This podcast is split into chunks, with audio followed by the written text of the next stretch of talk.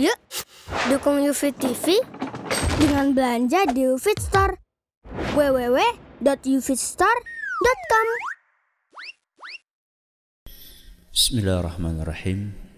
Assalamualaikum warahmatullahi wabarakatuh. Alhamdulillah wa kafa wassalatu wassalamu ala rasulihil mustafa wa sahbihi wa man iqtafa amma ba'd. Kita panjatkan puja dan puji syukur kehadirat Allah Tabaraka wa Ta'ala. Pada kesempatan malam yang berbahagia kali ini, kita masih kembali diberi kekuatan, kesehatan, hidayah serta taufik dari Allah Jalla wa Ala. Sehingga kita bisa kembali menghadiri pengajian rutin malam Sabtu untuk mengkaji adab dan akhlak di dalam Islam di Masjid Jenderal Sudirman Purwokerto ini. Kita berharap semoga Allah Subhanahu wa taala berkenan untuk melimpahkan kepada kita semuanya ilmu yang bermanfaat sehingga bisa kita amalkan sebagai bekal untuk menghadap kepada Allah Jalla wa ala. Amin. Salam dan salam semoga senantiasa tercurahkan kepada junjungan kita Nabi besar Muhammad sallallahu alaihi wasallam kepada keluarganya, sahabatnya dan umatnya yang setia mengikuti tuntunannya hingga di akhir nanti. Para hadirin dan hadirat sekalian kami hormati dan juga segenap pendengar Radio Insani via streaming di mana pun anda berada, juga para pemirsa Surau TV dan Yufit TV yang semoga senantiasa dirahmati oleh Allah Azza wa Jalla. Sampai hadis keberapa kita? Lupa. Hah? Hadis ketujuh. Alhamdulillah masih ingat. Walaupun kemarin libur ya. Mohon maaf yang sudah datang yang tidak mendapatkan info. Sebenarnya saya sudah berusaha menyampaikan info tersebut via uh, via medsos ya, via medsos. Mohon maaf. Sebenarnya sudah sudah saya hitung-hitung karena itu saya baru pulang dari Solo. Sudah saya hitung-hitung kira-kira nanti sampai di Purwokerto jam sekian, istirahat sebentar, berangkat. Ternyata kondisi berbicara lain. Ya. Kondisi berbicara lain akhirnya terpaksa nggak bisa ngisi, mohon maaf. Dimaafkan? Alhamdulillah. Alhamdulillah. Gak usah nunggu lebaran. Gak usah nunggu lebaran. Kita sampai hadis yang ketujuh yaitu hadis yang berbunyi An Abi Hurairah radhiyallahu anhu qala qala Rasulullah sallallahu alaihi wasallam dari Abu Hurairah semoga Allah meridhai beliau bahwasanya Rasulullah sallallahu alaihi wasallam bersabda liyusallimas saghiru 'alal kabir. Hendaklah yang kecil mengawali salam kepada yang besar. Wal maru 'alal qa'id.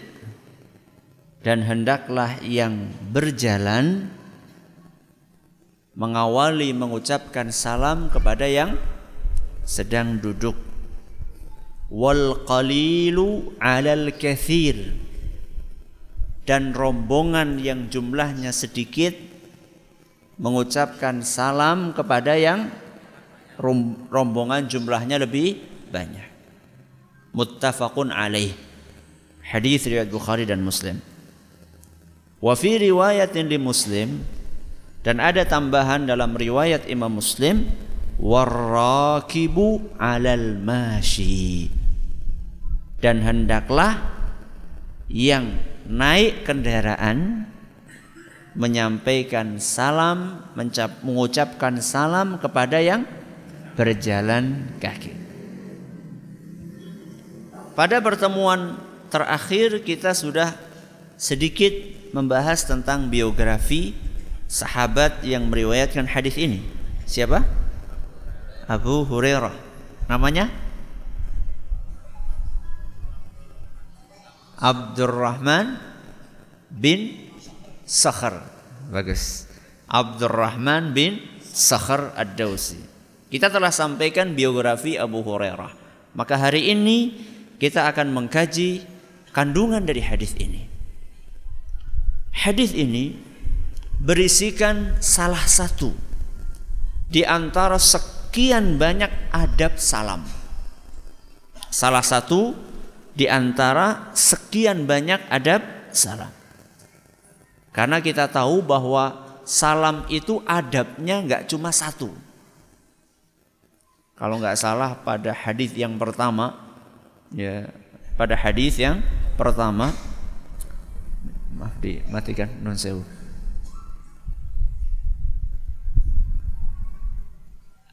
Pada hadis yang pertama ketika kita membicarakan tentang hak sesama muslim saat itu ketika melewati hak mengucapkan apa?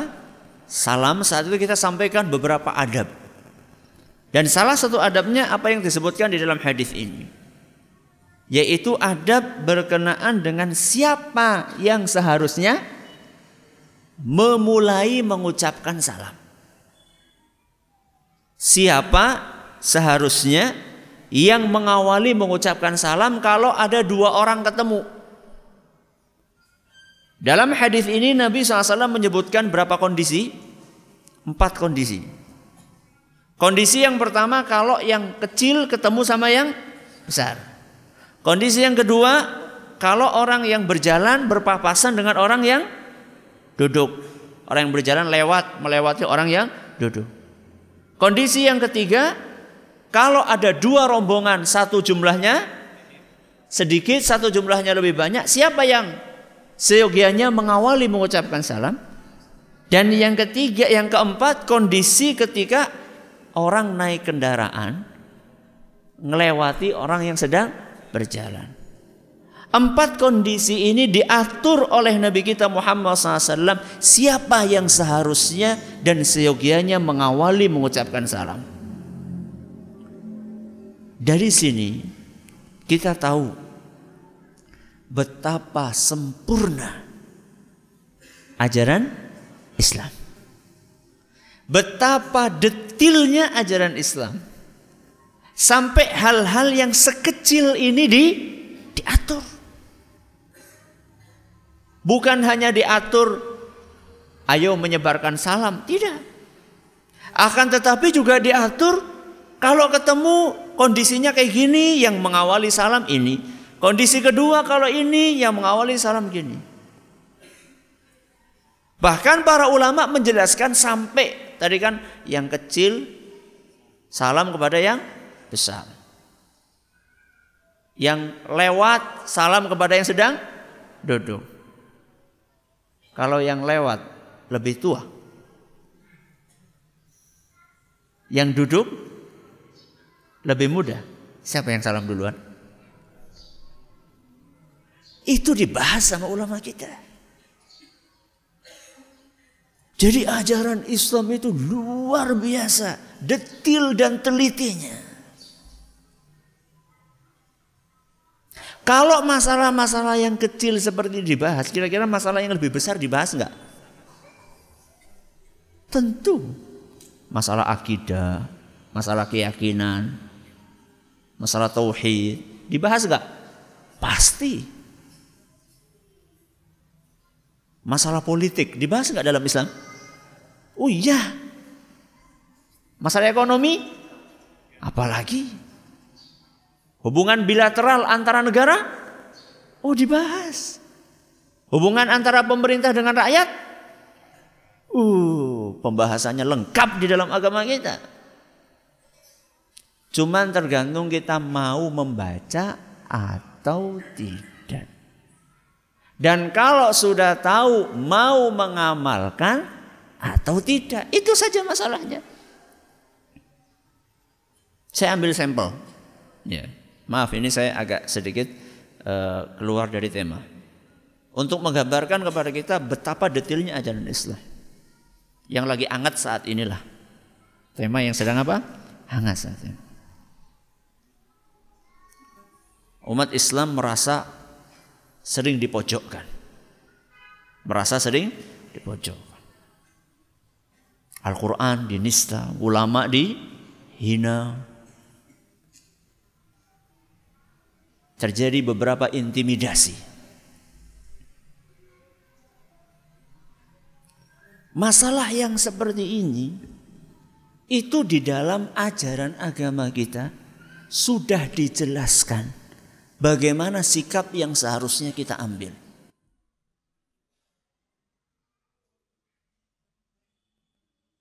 fenomena munculnya penguasa yang kurang ramah terhadap umat Islam itu bukan barang baru.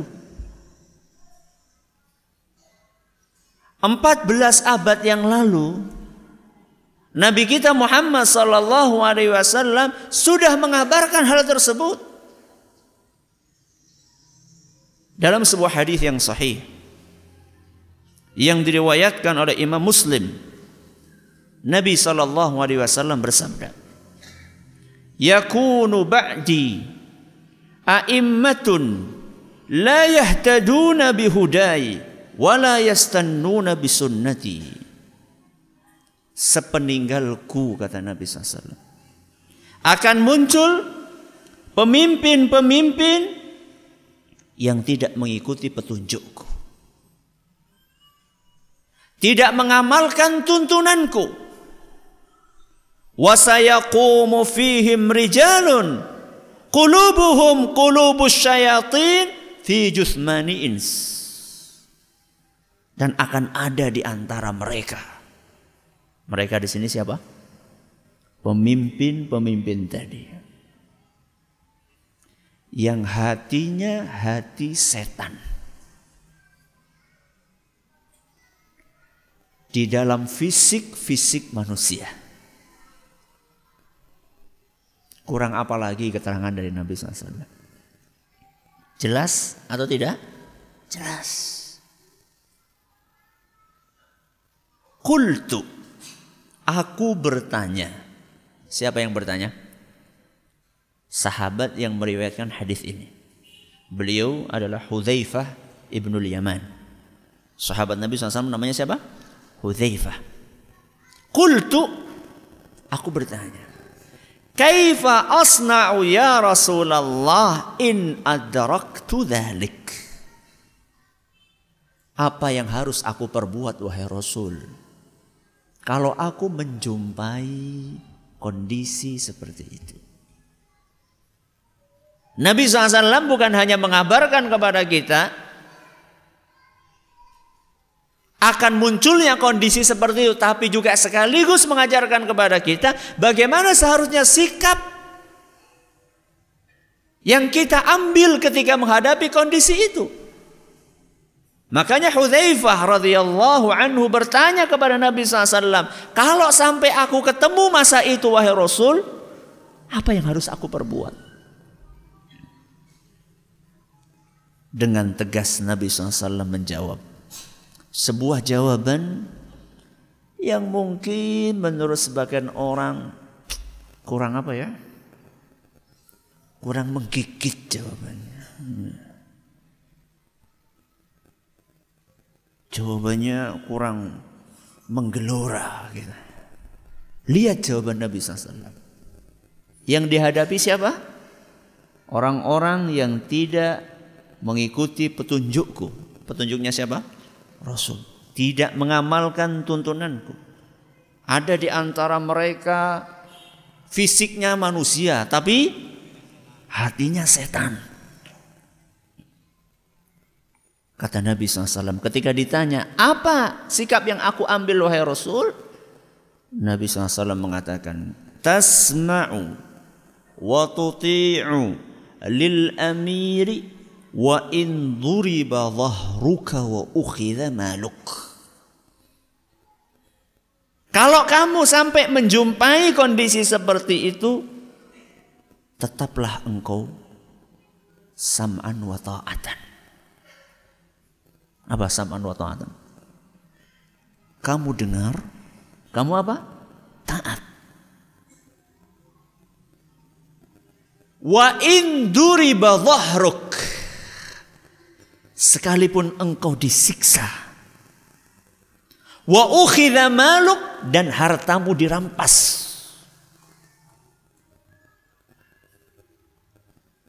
Nabi ulangi lagi.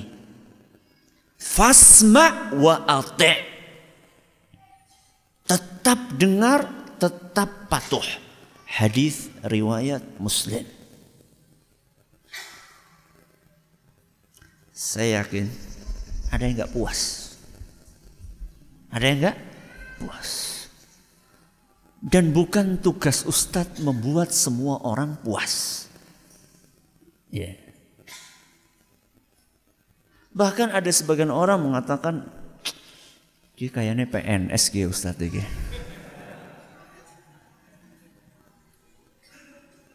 Saya bukan PNS. Alhamdulillah. Alhamdulillah jangan PNS ada yang Alhamdulillah tidak apa-apa. Jadi nggak ada hubungannya dengan saya PNS atau bukan PNS, bukan. Bahkan ada sebagian orang wah ini kaki tangannya apa? Pemerintah.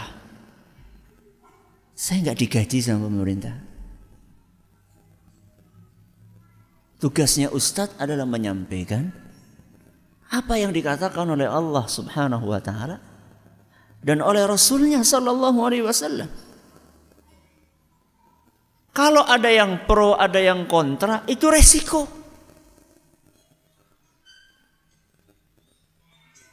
Wah, kalau kayak gitu enak dong. Jadi apa? Kok Ustad? Jadi pemerintah. Kalau gitu enak dong jadi pemerintah. Suruh apa? Sam'an wa ta'atan. Sekalipun di siksa, sekalipun di rampas. Enak dong jadi pemerintah kalau kayak gitu. Kira-kira ketika Nabi SAW memberikan solusi tadi buat kepentingan siapa? Pemerintah atau rakyat? Pemerintah atau rakyat? Rakyat. Masa kepentingan rakyat? Sudah diambil, dirampas hartanya, sudah disiksa, masih kon manut, boy. Itu buat kepentingan rakyat. Untuk menjawab pertanyaan ini, dan sebelum menjawab pertanyaan ini, saya akan bacakan hadis yang lain. Ini PR ya, akan saya jawab nanti. Jadi untuk kepentingan siapa?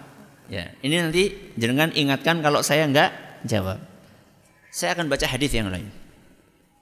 Dan hadis yang berbicara dengan nada yang sama, ini enggak cuma satu, dua, tiga. Puluhan hadis. Dan ini sudah jadi ijma para ulama. Bukan masalah khilafiyah. Karena ada sebagian orang mengesankan ini cuma bicara pakai apa modalnya cuma satu hadis dua hadis. Bukan bukan. Hadisnya banyak. Cuman waktunya gak cukup. Mau dijelasin apa? Semuanya. Saya ambil sampelnya saja yang paling gamblang. Saya baca satu hadis lagi. Nabi SAW bersabda dalam hadis yang sahih juga riwayat Muslim. Khiyaru a'immatikum alladzina tuhibbunahum wa yuhibbunakum wa yusalluna alaikum wa tusalluna alaihim. Pemimpin yang terbaik adalah pemimpin yang dicintai oleh rakyatnya. Dan rakyat eh dan dia juga mencintai rakyatnya. Pemimpin yang terbaik adalah pemimpin yang dicintai rakyatnya dan pemimpin itu juga mencintai rakyatnya.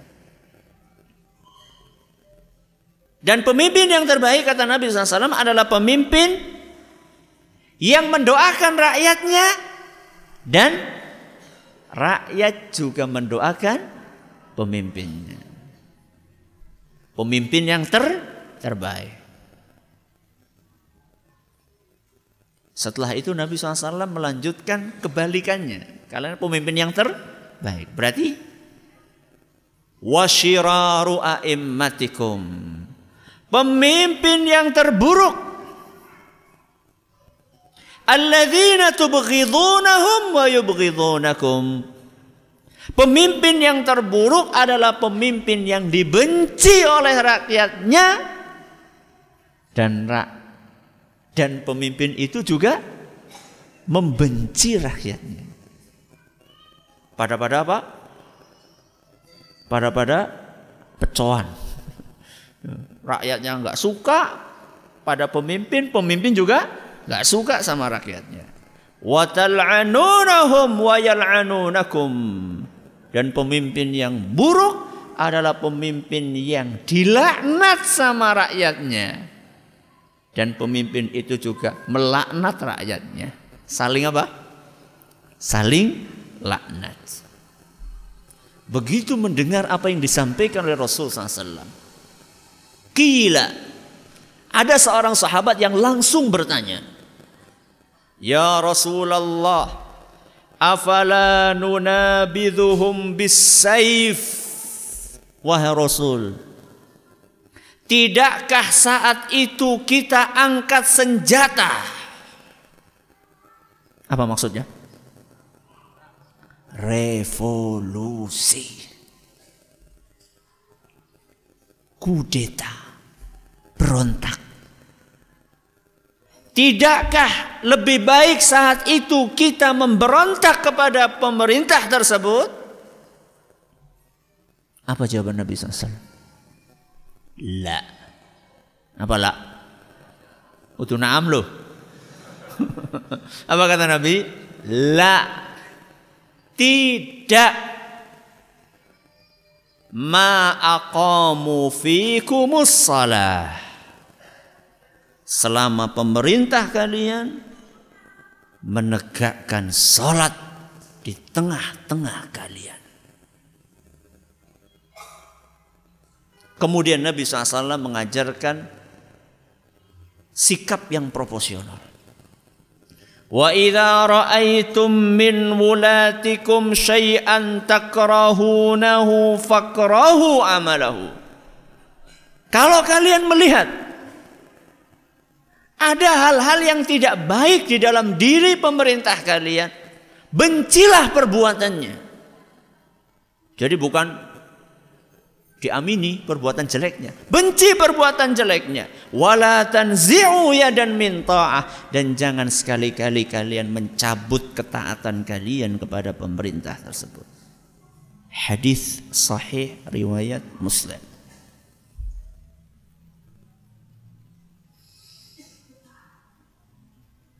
Apa tadi PR-nya? Untuk kepentingan siapa? Kita nggak boleh berontak, nggak boleh kudeta, nggak boleh revolusi, berdarah. Untuk kepentingan siapa? Rakyat atau kepentingan pemerintah? Kepentingan siapa? Bersama.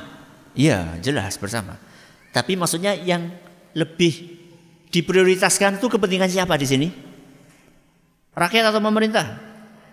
Sebelum jenengan jawab, kita harus paham ajaran Islam itu karakternya. Islam itu punya apa? Karakter. Ini kita harus paham supaya kita memahami kenapa kok Nabi SAW menyampaikan seperti ini. Yang mungkin nggak terlalu cocok dengan darah apa? Darah apa? darah muda. Nggak terlalu cocok dengan darah muda. Darah muda kan wah heroik. Kenapa Nabi menyampaikan seperti ini? Kita fahami terlebih dahulu karakter Islam. Ajaran Islam. Salah satu karakternya yang paling menonjol mendahulukan kepentingan umum, kepentingan orang banyak dibandingkan kepentingan apa? individu. Ini salah satu karakter Islam. Jadi kalau ada dua kepentingan bertabrakan, satu kepentingan umum, satu kepentingan pribadi, maka pasti yang akan didahulukan kepentingan apa? Umum, itu pasti. Orang banyak kepentingannya lebih didahulukan dibandingkan kepentingan orang sedikit, walaupun dua-duanya sama-sama diperhatikan kepentingannya. Tapi ketika tabrakan, maka kepentingan yang lebih didahulukan adalah kepentingan orang banyak. Sekarang saya tanya, Jumlah rakyat sama penguasa banyak mana? Hah? Rakyat atau penguasa? Ya rakyat ya penguasa kabeh ya jadi. Jumlah rakyat itu lebih banyak dibandingkan jumlah penguasa. Ketika Nabi SAW dalam hadis yang barusan kita baca melarang untuk kudeta. Kudetanya rakyat yang jumlahnya lebih banyak terhadap pemerintah yang jumlahnya lebih sedikit. Pasti yang akan diuntungkan pertama kali adalah yang jumlahnya banyak. Yaitu siapa? Rakyat. Kok bisa Ustadz? Oh, sudah lupa ya?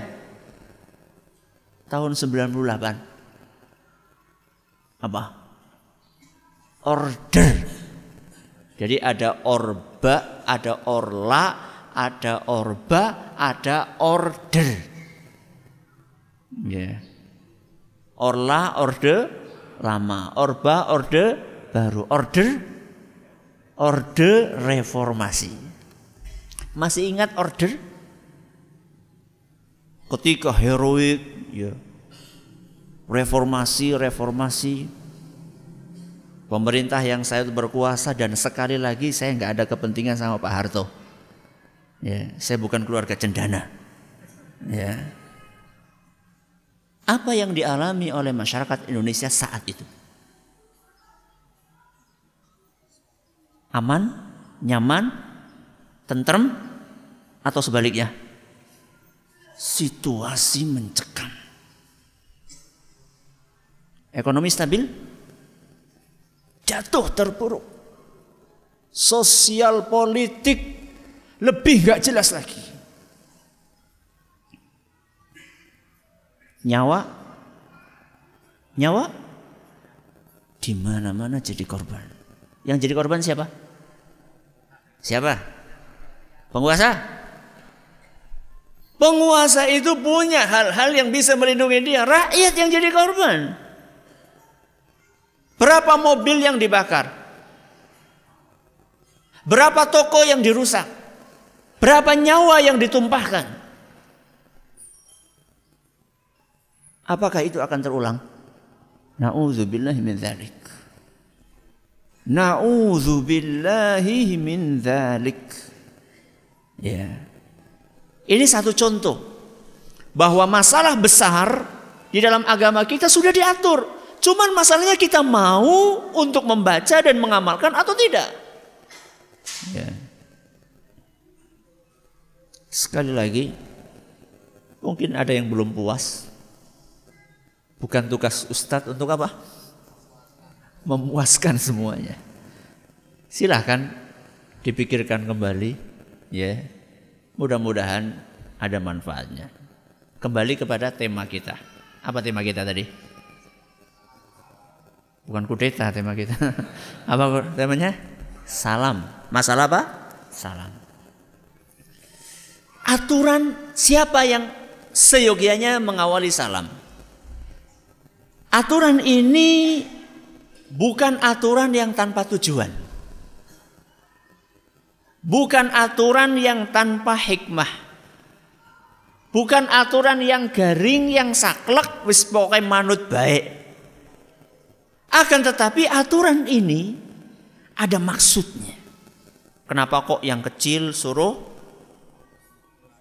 mulai salam kepada yang besar? Kenapa yang jalan suruh dan duduk? Kenapa bukan sebaliknya? Ini ada maksudnya.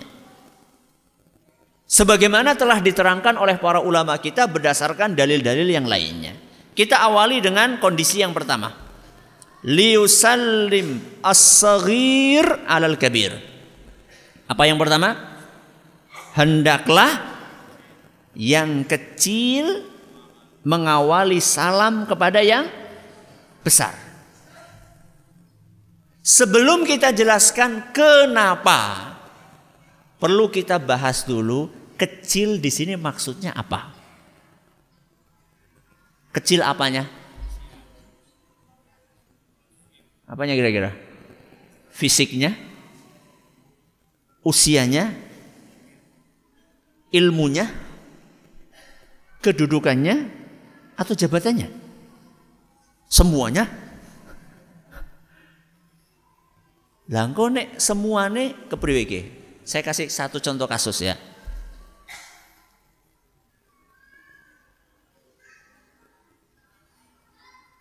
Bos sama karyawan. Bos sama karyawan. Kalau bicara masalah kedudukan lebih besar mana? Bos. Tapi kadang-kadang kalau bicara usia bisa jadi karyawannya lebih tua. Kalau kayak gini ketemu siapa dulu yang salam? Karyawan tua nyalami sing nom gitu. Kata Imam Al-Iraqi di dalam kitab beliau Tarhut Tasrib Beliau berkata ketika membahas tentang kecil di situ maksudnya apa? Al-zahiru annal murada as-sigharu fissin. Nampaknya kata beliau yang lebih tegas, yang lebih jelas, yang lebih kuat adalah pendapat yang mengatakan bahwa kecil di situ kembalinya kepada usia. Kecil apanya? Usianya. Berarti anak TK kalau ketemu sama mahasiswa siapa dulu yang salam? Siapa? Anak TK. Murid SD ketemu sama guru, berarti yang salam duluan siapa? Murid SD-nya. Ya anak ketemu sama siapa? Orang tua. Maka yang salam duluan siapa? Anak. Kalau kondisinya seperti yang tadi saya tanyakan. Bos sama apa? Karyawan. Bosnya lebih tinggi, lebih besar kedudukannya tapi karyawannya lebih tua. Berarti di sini ada dua besar. Satu besar usia, satu besar apa? Kedudukan. Dalam kondisi yang seperti ini, mana yang dikalahkan? Besar usia atau besar kedudukan? Imam Ash-Shawkani mengatakan, والذي يظهر i'tibarus sin. Dalam kondisi seperti itu maka yang lebih kuat nampaknya lebih mendahulukan pertimbangan usia.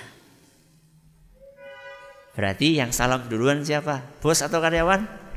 Nanti bosnya. ya, Kalau komandan sama prajurit gimana?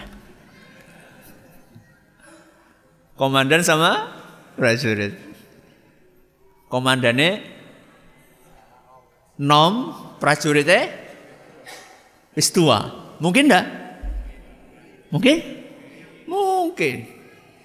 Naik jabatan itu kan banyak faktor. Bukan hanya faktor apa? Bukan faktor usia. Ya. Maka Seyogianya yang salam duluan siapa? Komandannya.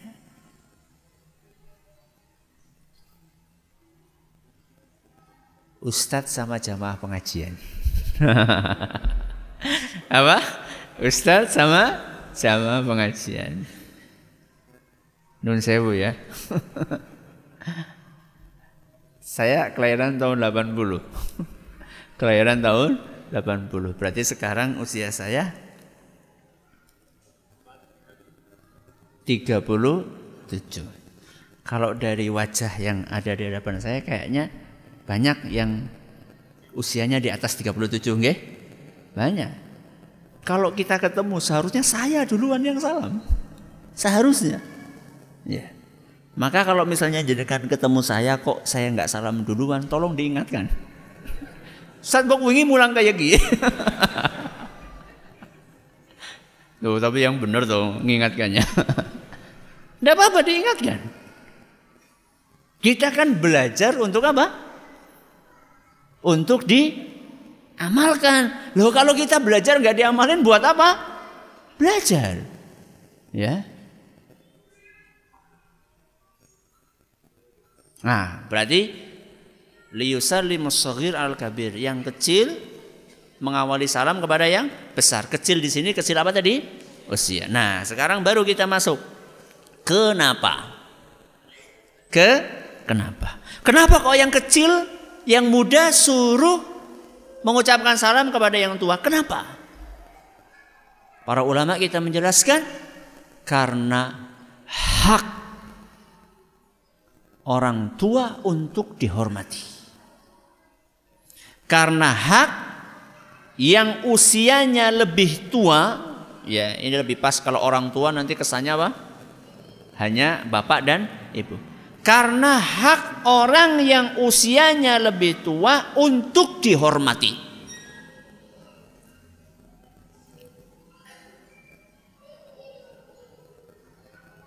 Saking besarnya hak orang yang lebih tua untuk dihormati, sampai-sampai Nabi kita Shallallahu Alaihi Wasallam dalam sebuah hadis yang diriwayatkan oleh Imam Ahmad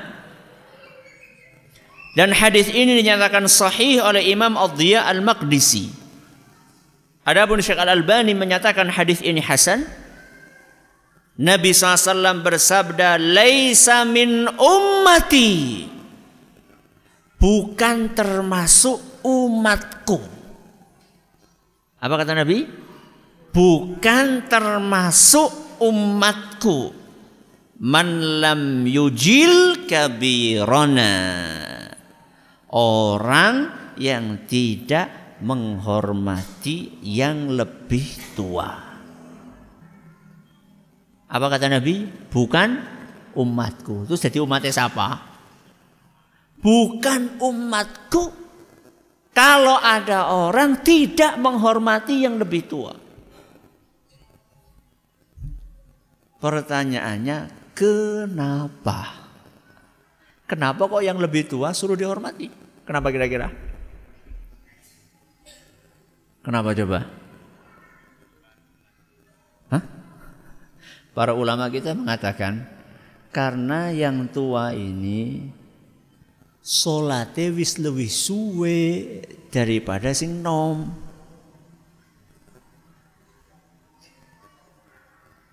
Puasane lebih akeh, lebih lama, lebih banyak dibandingkan yang muda.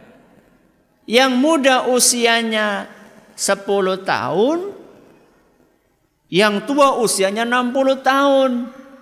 Lebih banyak siapa sholatnya? Lebih banyak yang tua biasane.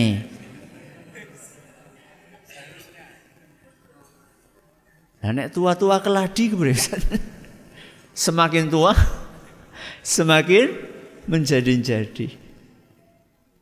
Ya minimal beragama Islam lebih suwe dinimbang jenengan. Alias KTP Islam itu lebih suwe gitu. Ya. Itu alasannya. Maka yang seperti ini harus kita biasakan. Di dalam rumah kita pertama kali menghormati yang lebih tua. Istri kepada siapa? Suami. Ya. Biasa biasanya ya, biasanya. Suami kan biasanya lebih tua daripada istri biasanya. Hmm. Maka istri harus ngasih contoh. Begitu suaminya masuk dihormati sebagai orang yang lebih tua sekaligus sebagai suaminya. Begitu suami masuk, assalamualaikum, waalaikumsalam. Sua istri langsung menyambut, mencium tangan apa? Suaminya. Menyiapkan tempat duduknya, anduknya semua sudah disiapkan. Begitu jenengan istrinya yang guyune guyu Mandan sepet kayak. Begitu? Iya? Saya nggak tanya sama ibu-ibu. Saya tanya sama bapak-bapak. Begitu? Kadang-kadang. Itulah pentingnya ngaji, Pak. Bojone dicek ngaji. Aja mangkat dewek. Oh ini kan yang yang seneng siapa? Jenengan kan? Istrinya jadi tambah ilmu, diamalkan. Ya. Anak itu akan nyontoh apa yang dia lihat. Kenapa kadang-kadang anak-anak sampai usianya 20 tahun ketemu bapaknya nggak pernah cium? Nah, kenapa? Kadang-kadang ketika ditanya malu. Sudah mahasiswa ketemu bapaknya apa? Cium tangan malu. S1 kok. Oh, S1 ya. Ya. Mungkin, mungkin Pemicunya adalah karena dia nggak pernah ngelihat ibunya seperti itu sama bapaknya. Muhammadin wa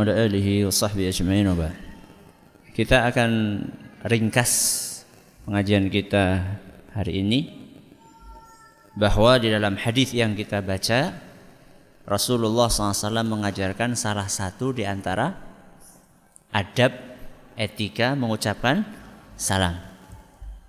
Yaitu siapa yang seyogianya untuk mengawali mengucapkan salam. Kita awali dengan kondisi yang pertama tadi yaitu ketika dua orang berpapasan yang satu kecil yang satu besar. Dalam kondisi seperti itu maka yang mengawali mengucapkan salam adalah yang kecil. Lalu tadi kita bahas bahwasanya kecil yang dimaksud di sini adalah kecil secara usia. Ya, kecil secara usia alias yang lebih muda. Kemudian kita tutup pembahasan tadi dengan menjelaskan bahwa kenapa kok yang kecil yang salam duluan kepada yang yang besar, yang muda kenapa salam duluan kepada yang lebih tua? Alasannya apa tadi? Karena orang yang lebih tua memiliki hak untuk dihormati. Memiliki hak untuk dihormati oleh yang lebih muda. Dan nanti kita akan bahas dengan izin Allah Subhanahu wa taala kalau misalnya yang tua salam duluan gimana? Ya, kalau tadi kan aturannya kan apa? yang muda ke yang tua. Nah, kalau misalnya ternyata yang salam duluan yang tua gimana? Dosa apa kepriwe? ya. Nanti kita akan bahas insya Allah pada pertemuan berikutnya. Dan tadi kayaknya ada yang kelewat dan ini penting sekali. Ketika saya bahas masalah kudeta tadi.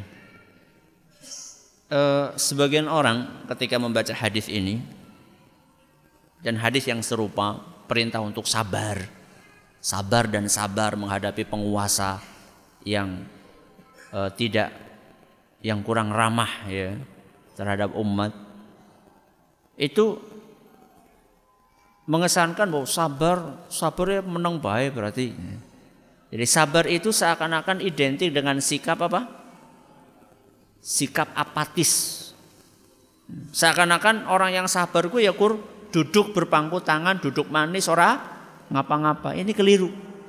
Pemahaman itu keliru. Jadi sabar itu bukan berarti diam saja, enggak. Sabar itu maksudnya adalah kita tetap menyampaikan nasihat kepada penguasa tapi caranya yang baik. Ya. Karena kadang-kadang nasihat itu ditolak bukan karena muatannya, tapi karena apa? Caranya. Coba sekarang nasihat disampaikan dengan bahasa yang kasar, diiringi dengan cacian, makian. Kira-kira peluang diterimanya besar apa kecil? Kecil. Boro-boro diterima malah hmm, ya, malah semakin di press, semakin ditekan. Jadi sabar itu bukan berarti diam saja, duduk berpangku tangan, nggak apa-ngapain, pasrah. Enggak. Sabar itu artinya kita tetap menyampaikan nasihat tapi jangan terpancing emosi kita untuk mengeluarkan kata-kata yang kasar. Kalau misalnya kita orang Islam juga mengeluarkan kata-kata yang kasar, lo apa bedanya kita sama orang yang mulutnya juga kasar? Lo kalau gitu apa bedanya umat Islam? Umat Islam kata-katanya harus lembut, harus santun dengan cara yang baik. Ya. Yeah.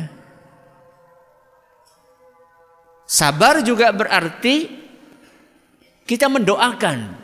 Ya. Yeah. Mendoakan supaya penguasanya dapat hidayah. Kadang-kadang kan orang bukannya mendoakan malah habis untuk mencaci maki. Pertanyaannya, jenengan mencaci maki itu dapat pahala apa tidak? Oleh pahala apa orang? Oleh orang oleh nggak dapat pahala. Yang kedua, ngerubah keadaan? Nggak rubah keadaan, malah semakin parah. Berarti kan orang untung dunia akhirat, ya Dunia akhirat gak untung. Dunianya gak berubah. Akhiratnya roli pahala. Sekarang kalau caci makian itu kita ganti dengan apa? Doa. Allahumma aslih wulata umurin.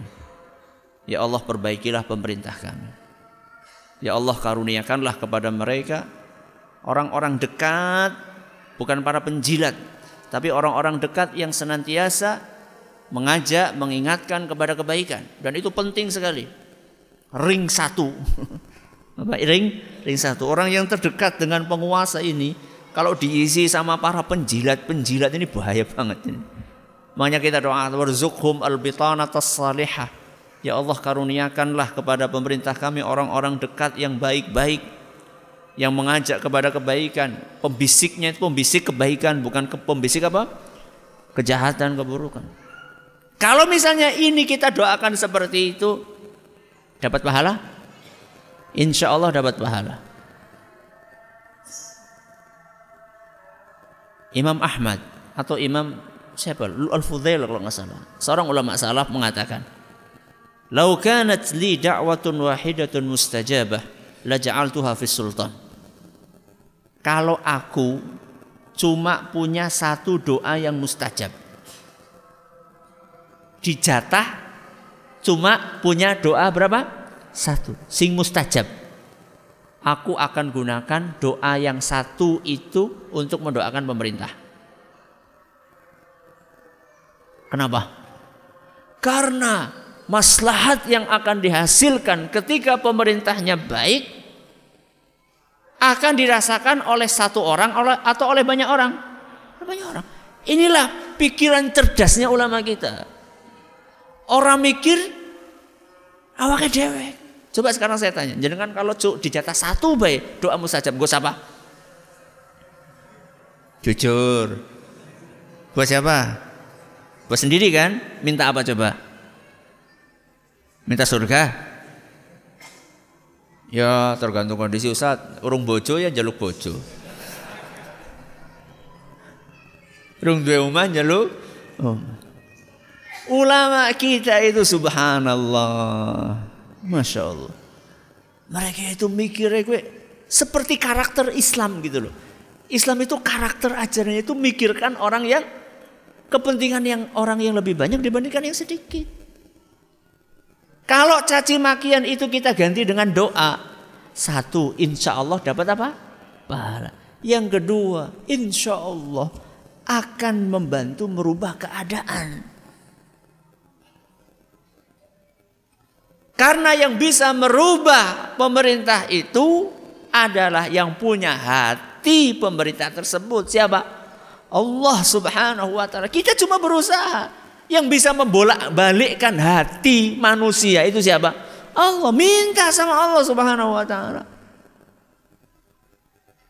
Angkat tangan. Oh, belum ya? Angkat tangan. Siapa yang kalau tahajud mendoakan pemerintah? Ana ora? Ora nambah. Mulane kaya kiye. Ya. Coba ganti ya, bukan ganti doanya maksudnya ganti eh, kebiasaan itu. Doakan kebaikan. Mungkin belum tentu doa saya yang dikabulkan, mungkin doa yang jenengan yang dikabulkan. Kita nggak tahu doa siapa yang dikabulkan. Ya. Wallahu taala alam. Kayaknya waktunya sudah cukup. Terima kasih atas perhatiannya, mohon atas segala kekurangannya. Kita tutup dengan membaca Subhanakallahumma bihamdika asyhadu an la ilaha illa anta astaghfiruka wa atubu ilaik. Assalamualaikum warahmatullahi wabarakatuh.